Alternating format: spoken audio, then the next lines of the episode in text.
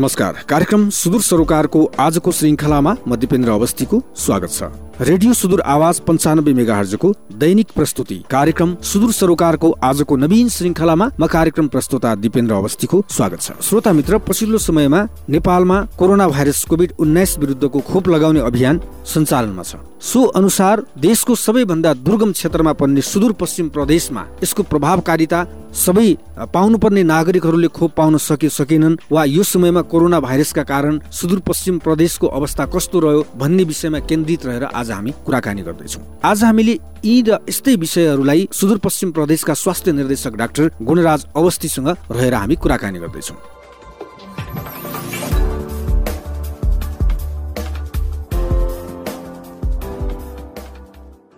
धन्यवाद सर। आज हामी यहाँसँग यहाँबाट उठेका केही कुराहरू केही जिज्ञासाहरू भनौँ होइन र अन्य नीतिगत कुराहरू र स्वास्थ्य कोभिडबाट सुरक्षित रहन अप्नाइने स्वास्थ्य मापदण्ड लगायतका विषयमा केन्द्रित रहेर कुराकानी गर्नेछौँ। डाक्टर साहब हामी सबैभन्दा पहिले अहिले खोप अभियान सञ्चालनमा छ हामी त्यतातिर लागौँ। सुदूरपश्चिम प्रदेशमा अहिले जुन खोप लगाइरहनु भएको छ खोप अभियान सञ्चालनमा छ त्यो खास गरेर कतिजनालाई लगाउने वा यसको के छ खासमा? अब झन्डै उन्नाइस महिना जति भयो कोभिडको प्रकोप यो संसारमा आएको र स्वास्थ्यका मापदण्डहरू एकातिर छ भने अर्कोतिर सबैभन्दा मान्छे बचाउनलाई भरपर्दो माध्यम भनेको नै खोप कार्यक्रम हो। र संसारमा उत्पादन एकदमै कम छ र यसको माग नै धेरै नै छ। नेपाल सरकारले बहुत मेहनतले केही समूहलाई भए पनि खोप उपलब्ध गराएको छ। पहिलो चरणमा स्वास्थ्य कर्मी सुरक्षाकर्मी लगायत एउटा सोह्रवटा समूहहरू पनि परेको थियो स्थानीय निर्वाचित प्रतिनिधिहरू। अनि पैँसठी वर्षभन्दा माथिका उमेर समूह लगाउने कुरा थियो। अनि त्यसपछि अहिले जुन खोप चल्दैछ यसमा चाहिँ साठीदेखि पैँसठी वर्ष लगाउने भनेको थियो पहिले। पछि खोप अलिकति कम भएर बासठी वर्षदेखि चौसठी वर्षसम्मकोलाई लगाउने भन्ने एउटा जानकारी प्राप्त भएको छ। बिस्तारै माथिल्लो उमेर समूहबाट तल घटाउँदै ल्याउने हो र असोसम्म चाहिँ धेरैभन्दा धेरै मान्छेलाई चाहिँ खोप लगाइसक्ने एउटा लक्ष्य लिएको छ। त्यही हिसाबले अन्तर्राष्ट्रिय मार्केटमा नेपाल सरकारले खोप उपलब्धताको लागि प्रयासहरू गरिरहेको छ। र अब बस्नको लागि उन्नाइस महिनाको बिचमा मुख्य तिनवटा कुरा चाहिँ सबैले ध्यान दिनुपर्ने एकदमै जरुरी छ। भौतिक दूरी कायम गरेर काम गर्ने मास्क अनिवार्यमा प्रयोग गर्ने र सरसफाइ चाहिँ अत्यन्तै महत्त्वपूर्ण छ। यो तिनवटा कुरा हामीले गर्नु सक्यो भने एकअर्कामा सङ्क्रमण दर चाहिँ घटाउनलाई चाहिँ यसले ठुलो मद्दत गर्छ। अहिले जुन दोस्रो प्रकारको भेरिएन्ट सुदूरपश्चिम प्रदेशमा पनि अरू ठाउँ जस्तै भनौँ न देखा पर्यो यसले गर्दाखेरि यहाँको कतिको प्रभाव पारेको यहाँले महसुस गर्नुभएको छ सुदूरपश्चिममा? यो दोस्रो भेरिएन्टले सिङ्गल देशभरि पनि यसले ठुलो नकारात्मक असर पारेको छ र सुदूरपश्चिममा पनि धेरै नै भएको छ।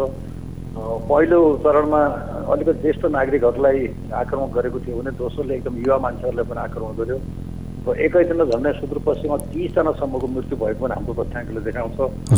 थुप्रै मान्छेहरू सङ्क्रमित भए एकदम छिटो यो दोस्रो भेरिएन्टको एकदमै छिटो सङ्क्रमण हुने दर पनि बढेको देखिन्छ संसारकै तथ्याङ्क हेर्नुहुन्छ भने।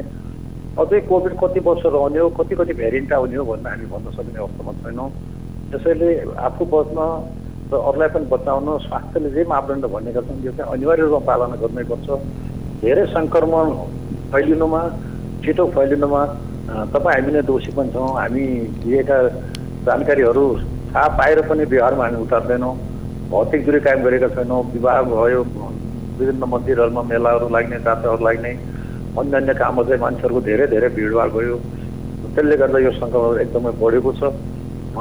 आजभोलि अलिकति कम देखा परेको भए तापनि अझै यो बढ्न सक्छ। असोज कार्तिकतिर फेरि बढेर पहिले ज्येष्ठ नागरिकमा थियो अहिले युवा पुस्तामा अहिले वयस्कहरूमा थियो गएको यो दोस्रो भेरिएन्ट भने अब आउनेले जाने बालबालिकालाई ठुलो असर पार्न सक्छ भन्ने विश्वको वैज्ञानिकहरूले एउटा हुनु जानकारी गराएका छन्। त्यसैले खोप आउँदै गर्छ एकातिर। बढीभन्दा बढी मान्छेलाई खोप लगाउने संसारले नै खोजेको छ। नेपाल सरकारले पनि त्यो लक्ष्य दिएको छ। र अब दैनिकै देशभरिका सम्पूर्ण सञ्चार माध्यमहरू लगायत हरेक ठाउँबाट चाहिँ यो तिनवटा कुरा पालना गर भनिएको छ। यहाँकै एफएमले चाहिँ कति पटक दैनिक प्रसारण गर्नुहुन्छ होला। धेरै मान्छेले एफएमहरू सुनेर जानकारी प्राप्त भए तापनि बिहारमा नउतार्दाखेरि चाहिँ हामीलाई ठुलो चुनौती छ ठुलो मानवीय क्षति बेहोर्नु परेको छ। अनावश्यक रूपमा हाम्रो जनशक्ति प्रचालन गर्नेदेखि साधन स्रोतहरू खेर गइरहेका हुन्छन्। त्यसैले जुन देशका नागरिकले स्वास्थ्यका मापदण्ड अप्नायो पहिलो चरणमा त सबै देशले यो नयाँ थियो। उन्नाइस महिना अगाडि कोभिड आउँदा अमेरिका इटली रुस जस्तो देशमा धेरै ठुलो क्षति भएको थियो। जब त्यहाँ चाहिँ यो यो कुरा अप्नायो भने यो सर्दैन भनेपछि अहिले दोस्रो भेरिएन्टले चाहिँ युरोप अमेरिकाका मुलुकहरूमा त्यति क्षति हुन सकेन। सबैभन्दा बढी क्षति भारतको पुग्यो किन भारतका नागरिक नेपालका नागरिक चाहिँ सरकारले भनेका सूचनाहरू गर्नुपर्छ भनेर दिएका अनुरोधहरू चाहिँ एकदम कम मान्छेले पालना गर्छन्। त्यसैले ठुलो क्षति भारतले बिहोर्नु पऱ्यो र नेपालले पनि यो दोस्रो चरणमा ठुलो क्षति बिहोर्नु पऱ्यो अब अझै पनि यसलाई रोक्नको लागि यो तिनवटा कुरा चाहिँ हरेक व्यक्तिले चाहिँ दैनिक रूपमा आफू पनि बिहारमा उतार्ने प्रयोग गर्ने र अरूलाई पनि गर्न लगाइदियो भने अवश्य पनि सङ्क्रमण दर कम हुन्छ। र जति मान्छेलाई हामी खोप दिन सक्छौँ त्यतिकै यसलाई चाहिँ न्यूनीकरण गर्न सकिन्छ। जस्तो निर्देशकज्यू धेरै प्रश्नहरू पनि उठेका छन्। हामीले स्थानीय तहका प्रमुखज्यूहरूसँग पनि तपाईँभन्दा पहिले के कुराकानी गरिसकेका छौँ। धवदुर्गा गाउँपालिका डडेलधुराका अध्यक्षज्यूले प्रश्न यहाँका लागि राख्नुभएको छ कि जुन यो पहाडका लागि खोप केन्द्रहरू चाहिँ टाढा टाढा भएको हुनाले पनि धेरै जनाहरू आउन नसक्ने अवस्था भयो धेरै टाढाबाट आउनुपर्ने अवस्था भयो भन्ने खालको कुरा आएको छ। यसलाई व्यवस्थापन गर्नका लागि भनौँ न अब के गर्न सकिन्छ वा सबैले चाहिँ पाउन् भन्नका लागि कस्तो खालको नीतिहरू अगाडि सराउन राख्न सकिन्छ? एकदमै राम्रो कुरा उठाउनु भएको अध्यक्षजीले यहाँलाई धेरै धेरै धन्यवाद। यहाँले मलाई यो जानकारी गराउनुभयो। अब हाम्रो देशभरिमा जति वर्ष जन्मन्छन् झन् साढे छ लाख बच्चाहरू जन्मन्छन् र पन्ध्र महिनासम्म हामीले नियमित खोप दिइसक्नुपर्ने हुन्छ। देशभरि सोह्र हजार खोप केन्द्र छन् भने सुदूरपश्चिममा झन्डै नौवटा जिल्लाका अठासीवटा स्थानीय तहमा सोह्र सय जति खोप केन्द्रहरू छन्। अब सुरुमा नयाँ भ्याक्सिन भयो पहिलोपटक के पो हुनसक्ला अब जुनसुकै कुराको पनि असर राम्रो असर र नराम्रो असर हुनसक्छ। त्यसरी नेपाल सरकारले निर्णय गरेर पहिलोपटक जब माघ चौध गति खोप लगाउन सुरु गरियो स्वास्थ्य संस्थाहरू अस्पतालहरूमा मात्रै लगाउने भनियो पहिलो दिन लगायो अनि दोस्रो दिनदेखि अस्पतालभन्दा अलिकति बाहिर गयो हामी प्राथमिक स्वास्थ्य केन्द्रसम्म गयौँ। त्यसपछि अलि पछि चाहिँ हामी स्वास्थ्य चौकीसम्म पनि गयौँ। त्यसको असर केही पनि भएन र खास गरी अब कुनै पनि त्यस्तो घटनाहरू घटिहाल्यो भने यही एफआई भन्छौँ हामी एडभर्स इफेक्ट नकारात्मक के पऱ्यो भने औषधिहरू तयारी गरेर चाहिँ एकजना डक्टरको उसमा चाहिँ एउटा हामीले टिम गठन गरेका थियौँ नौवटै जिल्लाको लागि। अब जुन उहाँको प्रश्न छ यसको लागि जुन पालिकामा अहिले जति खोप केन्द्रहरू सञ्चालित छन् त्यसले गर्दा हाम्रा नयाँ जन्मने सबै बच्चाहरूलाई पन्ध्र महिनासम्म बच्चा र गर्भवती आमाहरूलाई खोप दिन भ्याएको छ भने अब बिस्तारै हामीले आफ्नो पालिकाभित्रका जिल्लाभित्रका र प्रदेशभरिका सबै सोह्र सयवटै खोप केन्द्रबाट चाहिँ यो खोप चाहिँ सञ्चालन गर्नुपर्छ जसले गर्दा मान्छेको घर नजिक यो सेवा पुग्छ धेरै टाढा हिँड्नु पर्दैन खासै ज्येष्ठ नागरिक दीर्घ रोगीहरू हिँड्न नसक्ने थियो। अबको हाम्रो नीति चाहिँ बिस्तार बिस्तारै अहिलेका सबै खोप केन्द्रहरूमा चाहिँ खोप उपलब्ध गराउने हामी एउटा योजना बनाउँदैछौँ। यही हिसाबले हाम्रो स्वास्थ्य मन्त्रालय समन्वय भइरहेको छ। र बिस्तार बिस्तारै हामीले पहिलो चरणको खोप लगाउँदा पनि धेरै स्वास्थ्य चौकीदेखि धेरै गाउँहरूमा पनि गरेर लगायौँ यो प्रदेशमा। त्यसबाट हामीले के देख्यौँ भने खोप अत्यन्त सुरक्षित छ। धेरै मान्छेले अनेक किसिमका भ्रमहरू फैलाएका हुन्छन्। धेरै मान्छे नकारात्मक कुरा गर्दै नेपालमा यो चाहिँ परीक्षण गर्नको लागि ल्यायो अर्को भयो अर्को भयो। जुन मान्छे स्वास्थ्य कर्मी नै हुन् सुरक्षाकर्मी नै हुन् राजनीतिज्ञ हुन् अथवा पत्रकार हुन् जसलाई जति बेला लगाऊ भनेको थियो त्यति बेला उहाँहरू डराएर लगाउनु भएन। अहिले चाहिँ खोप लगाइदियो भनेर राख्नु भएको छ त्यसैले स्वास्थ्यले ल्याउने हरेक कुरा मानव मानव जीवन चाहिँ राम्रो भन्नको लागि हो। यो कसैलाई परीक्षण गर्न ल्याइएको होइन। यो परीक्षण भइसकेपछि पास भइसकेपछि विश्व स्वास्थ्य सङ्गठन जाने प्रयोग गर्न सकिन्छ भनेर धेरै वैज्ञानिकहरूले अनुसन्धान गरिसकेपछि आएको हो। त्यसैले जुन उमेर समूहलाई जति बेला भनेको छ उहाँहरूलाई खोप लगाइदिन म अनुरोध गर्छौँ र अवश्य पनि घर नजिक पुग्नको लागि हाम्रा नियमित खोप केन्द्रहरू जुन छन् यो खोप केन्द्रहरू मार्फत चाहिँ यो खोप चाहिँ आगामी दिनमा चाहिँ सञ्चालन गरियो भने धेरै टाढा हिँड्नु पर्दैन धेरै मान्छे छुट्ने सम्भावना पनि रहँदैन। यसो गरी परशुराम नगरपालिकाका मेयर भीमबहादुर साउदजीको जिज्ञासा रहेको छ। आफूले पटक पटक प्रदेश सरकार र सङ्घमा पनि विकासको बजेट काटेर पनि खोपको व्यवस्थापन गर्नका लागि विगतदेखि अहिलेसम्म आग्रह गर्दै आइरहेको भनेर पनि उहाँले हामीलाई जानकारी गराउनु भएको छ। यसमा यहाँको भनाइ के छ? एकदम धन्यवाद। उहाँ मेयर साहब एकदम आदरणीय व्यक्तित्व एकदम राम्रो काम गरौँ भन्ने सोचाइराख्नुहुन्छ। मेरो पनि धेरै पटक उहाँसित सम्बन्ध भइरहन्छ।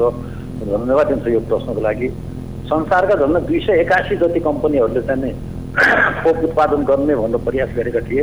अहिले अन्तिममा चाहिँ चारवटा कम्पनीको मात्रै प्रयोग गर्न सकिने भनेर विश्व स्वास्थ्य सङ्गठनले मान्यता दिएको छ। एउटा चिनमा उत्पादन भएको अर्को बेलायतको अक्सफोर्ड युनिभर्सिटीको फर्मुलामा जुन भारतमा पनि छ सेरम भन् भन्ने कम्पनीले निकाल्छ त्यो भयो। एस्ट्राजेनिक खोप जसलाई भन्छौँ। त्यस्तो चाहिँ रुसको स्पुत्निकलाई अहिले संसारमा आठ अरब मान्छे छन्। अब अठार वर्षभन्दा मुनिकोलाई चाहिँ अझै दिन सकिएको छैन। भर्खर भर्खर अमेरिकाले त्यहाँ बाह्र वर्षदेखि अठार वर्षका व्यक्तिहरू अमेरिका परीक्षण गर्दैछ।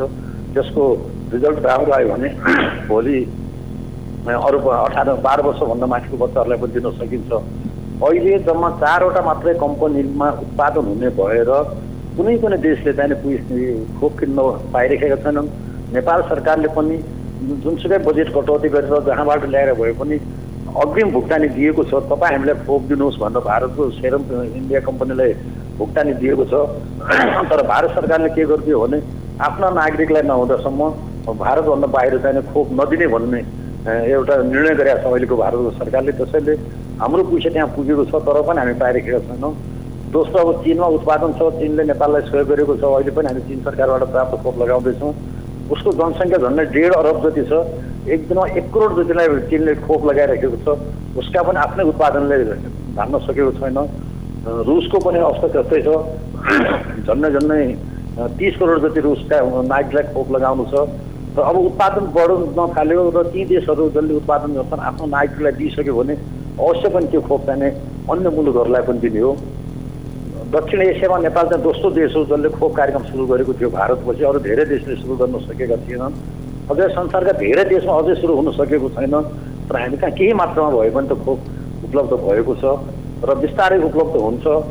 र अर्को कुरा धेरै स्थानीय तहहरूले प्रदेश सरकारले पनि हामीले पनि खोप किन्न पायो हुन्थ्यो भनिएको छ संसारमा चाहिँ खोप जुनसुकै देशको पनि अमेरिका जस्तो शक्ति सम्पन्न राष्ट्र भारत जस्तो शक्तिशाली देशहरूको पनि केन्द्रीय सरकारले मात्रै खोप किन्छ किनभने अरूलाई चाहिँ त्यो विश्व स्वास्थ्य सङ्गठनदेखि अरू अरूले चाहिँ किन्ने अधिकार दिएको छैन। पैसा स्थानीय तहले प्रदेश सरकारले राख्नु चाहेर पनि किनभने त्यसको गुणस्तर कायम गर्नको लागि धेरै कम्पनी उत्पादक कम्पनीहरूले धेरै देशलाई विश्वास पनि गर्दैनन्। त्यो देशको आर्थिक अवस्थाले झान्दै जान्दैन। त्यहाँ डब्लुएचओले जमानी बसिदिनु पर्ने हुन्छ अर्को गरिदिनु पर्ने हुन्छ। यो प्राविधिक कुराहरू छ। अब अमेरिकामा फिनल्यान्डमा भारतमा जहाँ बनेको खोप भए पनि जुन टेम्परेचरमा आउँछ दुईदेखि आठ डिग्री टेम्परेचर आइरहेको छौँ त्यही टेम्परेचरमा हाम्रो गाउँमा स्वास्थ्य भ्याक्सिन क्यारियर बक्स हुन्छ त्यसमा लगेर उपभोक्तासम्म बच्चाहरू गर्भवती आमासम्म पुगाउँछन् त्यसैले चाहिँ खोप चाहिँ संसारका हरेक देशले वान वान डोर सिस्टमबाट हुनु एकद्वार प्रणालीबाट मात्रै किनिन्छ। त्यसैले चाहिँ अहिले हाम्रो स्थानीय तह प्रदेशले चाहिँ खोप किन्न हामी पैसा छुट्याउँछौँ भन्न जुन राम्रो विचार राख्नु भएको छ तर अहिले दिँदैन। तर स्थानीय तहमा खोप केन्द्र कम छन् भने बरु अझै खोप केन्द्रहरू बढाएर घर वडा वडा तहमा फेरि अब कुनैमा चाहिँ एकजनालाई मात्रै दिने भ्याक्सिन हुन्छ कुनैमा दसजनालाई दिने भ्याक्सिन हुन्छ खेर पनि जानु दिनु हुँदैन। त्यो हिसाबले चाहिँ स्थानीय तह व्यवस्थापन गरियो भने मलाई लाग्छ असहसम्म चाहिँ नेपाल सरकारले पचास प्रतिशत नेपालीलाई चाहिँ खोप लगाउने चाहिँ एउटा लक्ष्य राखेको छ। त्यसैको लागि अहिले अमेरिका रुस अनि बेलायत लगायत चिन धेरै राष्ट्रहरूसँग कुरा भइरहेको छ र आउँछ ढुक्क हुनुहोस्। र अब चाहिँ कसैले नडराइकन कुनै मान्छेले के भन्यो हिजो डराएर धेरै लगाएनन्। र जुन उमेर समूह तोकेर दिएको छ नेपाल सरकारले ती समूहका एकजना पनि नछुटिकन खोप लगाइदिने र यो तिनवटा कुरा फेरि मास्क लगाउने भौतिक कायम गर्ने र साबुन पानीले राम्ररी हात धुने काम गरिदियो भने हामी अवश्य पनि यो सङ्क्रमणबाट बच्न सक्छौँ र अरूलाई पनि बुझाउन सक्छौँ। जस्तो डाक्टर साहब अब कोभिडका कारणले भनौँ न अब हाम्रो सबैभन्दा बढी फोकस स्वास्थ्य क्षेत्रमा कोभिड नै बढी भयो होइन? तर अन्य बिरामीहरूका कुराहरू त्यति आएनन् यो समयमा खास गरेर गर्भवती महिलाहरू धेरै तनावमा हुनुहुन्छ होइन? यसका बारेमा यहाँको भनाइ के छ? होइन अब हामीले आधारभूत स्वास्थ्य सेवा बन्द कुनै पनि हातमा गर्नु हुँदैन भनेका छौँ। जब गत वर्ष चैतमा कोभिडको प्रकोप खास सुदूरपश्चिम सबभन्दा परेको थियो झन्डै पाँचजना मान्छे यही प्रदेशमा थिए नेपाल भन्ने भएको भन्दा अनि त्यस त्यति बेला हाम्रो मेजर बेलाको खोप चलेको थियो। डल्दा लगायत थुप्रै जिल्लाहरू त्यो बन्द गरियो। अलिकति पछि चल्यायो एक महिना जति हाम्रो खोप कार्यक्रम रिस गर्न हेम्पर भयो। त्यसले गर्दा हामी त्यहाँ अर्को ठुलो समस्या हो। दादराहरू देखा पर्न थाले त्योबाट बच्चाहरू मृत्यु हुन थाल्यो सुत्केरी गर्भवती महिलाहरू बच्चा जन्माउन स्वास्थ्य संस्थामा गएर घरमै बच्चा जन्माउन थाले। त्यहाँ आमाको मृत्यु भएको छ बच्चाको मृत्यु भएको। छ यो लकडाउनले गर्दा अप्ठ्यारो गर्दाखेरि साँच्चीकै अरू बिरामीहरूलाई चाहिँ निकै नै समस्या परेको छ। अब यो मानव जातिकै लागि नयाँ भाइरस हो। करिब करिब सय वर्षको अगाडि पनि यस्तो चाहिँ संसारभरि नै महामारीहरू फैलिएका छन्। उन्नाइस सय अठारमा आजभन्दा एक सय तिन वर्ष अगाडि स्पेनिस फ्लू भन्ने आएको थियो पचास करोड मान्छे सङ्क्रमित भएको थियो र पाँच करोडको मृत्यु भएको थियो र तिस वर्षसम्म त्यो भाइरस यो पृष्ठ रहेको थियो। उन्नाइस सय अडतालिसमा गएर त्यो भाइरसको अन्त भएको थियो।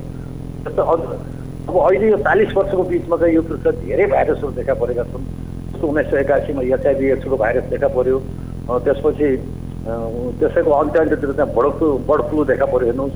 अनि सार्स भन्ने आयो मार्स भन्ने आयो झिका भाइरस आयो इबोला भाइरस आयो कुनै अफ्रिका महादेशमा थियो भने कुनै अमेरिकातिर थियो। ब्राजिल लगायत अफ्रिकन मुलुकहरू धेरै नोक्सान गर्यो। अहिले यो फेरि भनौँ न संसारका सबै देशमा पुग्ने गरी आयो यो चालिस वर्षको बिचमा झन्डै छवटा भाइरसहरू आएर सबभन्दा खतरनाक चाहिँ अहिले यही देखिएको छ। संसारभरि फैलिएको भएर यसको बारेमा बढी चर्चा भइरहेको छ। नभए जिका भयो इबोलाहरू पनि कम खतरनाक थिएनन् अफ्रिका र अनि दक्षिण अफ्रिका दक्षिण अमेरिकी मुलुकहरूमा त्यसले निकै नै नोक्सान गरेको हो। अब अब यो छवटा किसिमका जुन भाइरस देखा परेको छ चालिस वर्षको बिचमा मानव जाति यो पृथ्वीमा भनौँ अहिले कोसित गएर चाहिने म्युटेसन हुने हो र तिनीहरूबाट नयाँ सन्तान उत्पादन गरेर फेरि भाइरसको परिवारमा अर्को नयाँ सदस्य थप्ने हो भन्ने अझै यकिन गर्न सकिएको छैन। विश्वका वैज्ञानिकहरू लागि परेका छन्। अहिले चाहिँ चार किसिमका प्रजाति चाहिँ यो कोभिड भ्याक्सिनको भनिएको छ। गामा डेल्टा बेल्टा के भन्ने यस्तो चार एउटा नाम दिएको छ र नेपालमा चाहिँ दुई किसिमको भाइरसहरू चाहिँ अहिले सङ्क्रमण दर फैलाइरहेको छ। पहिलो अलि अलिक कमजोर जस्तो थियो भने यो दोस्रो चरणको चाहिँ अत्यन्त बढी खतरनाक देखियो। अब यसपछि चाहिँ तेस्रो कस्तो खाले आउने हो भन्न सकिँदैन। त्यसैले हामीले स्वास्थ्य संस्थाहरूलाई तयारी अझै बलियो गराउनुपर्छ। अक्सिजनको अभाव भएको थियो पहिले। अब यो उन्नाइस महिनाको बिचमा राम्रो पनि भएको छ स्वास्थ्य सेवामा। एउटा पनि प्रयोगशाला थिएन। अहिले हामी कहाँ देशभरि झन्डै नब्बेभन्दा बढी प्रयोगशाला छ र सुदूरपश्चिम सात ठाउँमा छ हाम्रो सुदूरपश्चिममा पनि। अब त्यति बेला चाहिँ जाँच गर्नलाई एन्टिजेन किटहरू थिएन। अहिले एन्टिजेन किटहरू आएर चाहिँ गाउँ गाउँमा खोजी नीति भइरहेको छ। अहिले म के सुन्दैछु मलाई धेरै ठाउँबाट के जानकारी आउँछ हाम्रो स्वास्थ्यकर्मीबाट भने हामी एन्टिजेन लगेर गाउँ त गएको छौँ गाउँमा भएका साथीहरू चाहिँ जाँच गर्न मान्दैनन्। तपाईँहरू आफ्नो स्वास्थ्य आफ्नै लागि हो जताउनुहोस्। जो बाहिरबाट आउनु भएको छ जसको सम्पर्कमा हुनुहुन्छ अब कुन मान्छे धनगढीबाट आयो कुन बसमा भारतबाट चढेको मान्छे आयो को सङ्क्रमित थियो कसले कसलाई फैल्यो भन्ने थाहा हुँदैन। त्यसैले कन्ट्याक्ट ट्रेसिङ हामी बलियो बनाउनु पर्ने हुन्छ। आवश्यक स्वास्थ्य कर्मीहरू जनशक्ति औजार उपकरण पनि हामीले थप्नुपर्ने छ। प्रयास भइरहेको छ सबै अस्पतालहरूमा प्रदेश सरकार नेपाल सरकारले चाहिँ अक्सिजन प्लान्ट स्थापना गर्नुपर्छ भनेर पैसाहरू पठाएको छ अहिले। अब सबै अस्पतालहरू चाहिँ प्रयास गर्दैछन्। स्थानीय तहमा पनि थुप्रै ठाउँमा आइसोलेसनहरू राख्नु भएको छ। स्थानीय तहका साथीहरूले अब खोप लगाउन अहिले पूर्व दर्ता गर्ने भने त यहाँले पनि गर्नुभएको छ। छैन भने तपाईँहरू आफ्नो नाम दर्ता गराउनु होला सबै पत्रकार मित्रहरू जसले लगाउनु भएको छैन अथवा तपाईँको आफ्नो घर परिवारका सदस्य छन् इन्फर्मेसन म्यानेजमेन्ट युनिट भन्ने छ। तपाईँहरूलाई त्यो जानकारी छैन भने अब हाम्रो थुप्रै स्वास्थ्य मन्त्रालयको वेबसाइटमा छ हाम्रो निर्देशनाले पनि पठाएको छ। मैले मेरो फेसबुकबाट अब ट्विटरबाट मेसेन्जरबाट को कहाँ हुन्छ जोडिन्छ नभए तपाईँ गाउँ गाउँमा स्वास्थ्य संस्थाहरू छन् त्यहाँको स्वास्थ्य कर्मीसँग समन्वय गरेर हरेक खोप लगाउने योग्य व्यक्तिको चाहिँ नाम दर्ता पूर्व दर्ता गरेर भनेको छ। अनि त्यो गरिदिन पनि म यहाँहरूलाई अनुरोध गर्छु। र मानव जाति भने यस्तो जस्तो सुकै समस्या आयो भने त्यसलाई एक न एक दिन जित्छ। तर अहिले एकैचोटि संसारमा सङ्क्रमण भयो।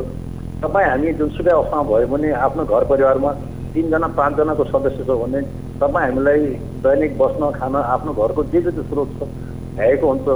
अब हाम्रो घरमा तपाईँको कसैको घरमा दुईजना तिनजना पाहुना आइदियो भने हामीलाई अलिकति गाह्रो हुन्छ। र एकैचोटि लाखौँ लाख पाहुना आइदियो भने त हामी केही गर्नै सक्दैनौँ। अहिले यो कोभिड चाहिँ एकैचोटि संसारभरि झन्डै अठार महिनाको बिचमा हेर्नुहोस् अठार करोड लगभग पुगिसकेको छ सङ्क्रमित होइन करिब करिब सत्तर लाख जतिको मृत्यु भइसक्यो। त्यसैले हरेकलाई यो व्यवस्थापन गर्न निकै नै गाह्रो छ। हरेक देशका सरकार प्रयास गर्दैछन्। नेपालका पनि केन्द्र भनौँ प्रदेश स्थानीय तहले धेरै ठुलो लगानी गरेको छ कोभिडको बिचमा। त्यसैले सबैले धैर्य गरौँ यसलाई जित्नु नै पर्छ हामीले र अवश्य जितिन्छ पनि। त्यसको लागि हामीलाई जे भनेको छ हामीले एउटा अनुशासित भएर त्यो कुरा चाहिँ बिहारमा उतारिदिनुपर्छ। मास्क लगाउने भौतिक दूरी कायम गर्ने र साबुन पानीले राम्ररी हात धुन मात्रै हामीले गरिदियो भने हामी नियन्त्रण गर्न छिटो नियन्त्रण गर्न सक्छौँ र मृत्यु दर पनि कम हुन्छ र सङ्क्रमण दर पनि कम हुन्छ। हुन्छ डाक्टर साहब धेरै धेरै धन्यवाद दिन्छौँ। आफ्नो अमूल्य समय हामीलाई दिनुभई। सुदूरपश्चिम प्रदेशमा रहनुभएका श्रोताहरूलाई यो सन्देश पुर्याउनका लागि आफ्नो अमूल्य समय दिनुभएको लागि यहाँलाई धेरै धेरै धन्यवाद छ। धन्यवाद रेडियो सुधारावली मेरो केही भनाइराख्ने मौका दिनुभएको यहाँहरूलाई धेरै धेरै धन्यवाद आफू पनि सुरक्षित रहनुहोला अरूलाई पनि सुरक्षित रहन चाहिँ यहाँहरूले प्रयास गरिराख्नु भएको छ सञ्चार माध्यमबाट अझै प्रयास गर्नु र सुदूरपश्चिमलाई चाहिँ नै छिटोभन्दा छिटो कोरोना मुक्त प्रदेश बनाउन हामी सबै हातेमालो गरौँ धन्यवाद सर उहाँ हुनुहुन्थ्यो सुदूरपश्चिम प्रदेशका स्वास्थ्य निर्देशक गुणराज अवस्थी आजको लागि हाम्रो निर्धारित समय सकिने लागेको छ कार्यक्रमबाट म दिपेन्द्र अवस्थी बिदा हुन्छु नमस्कार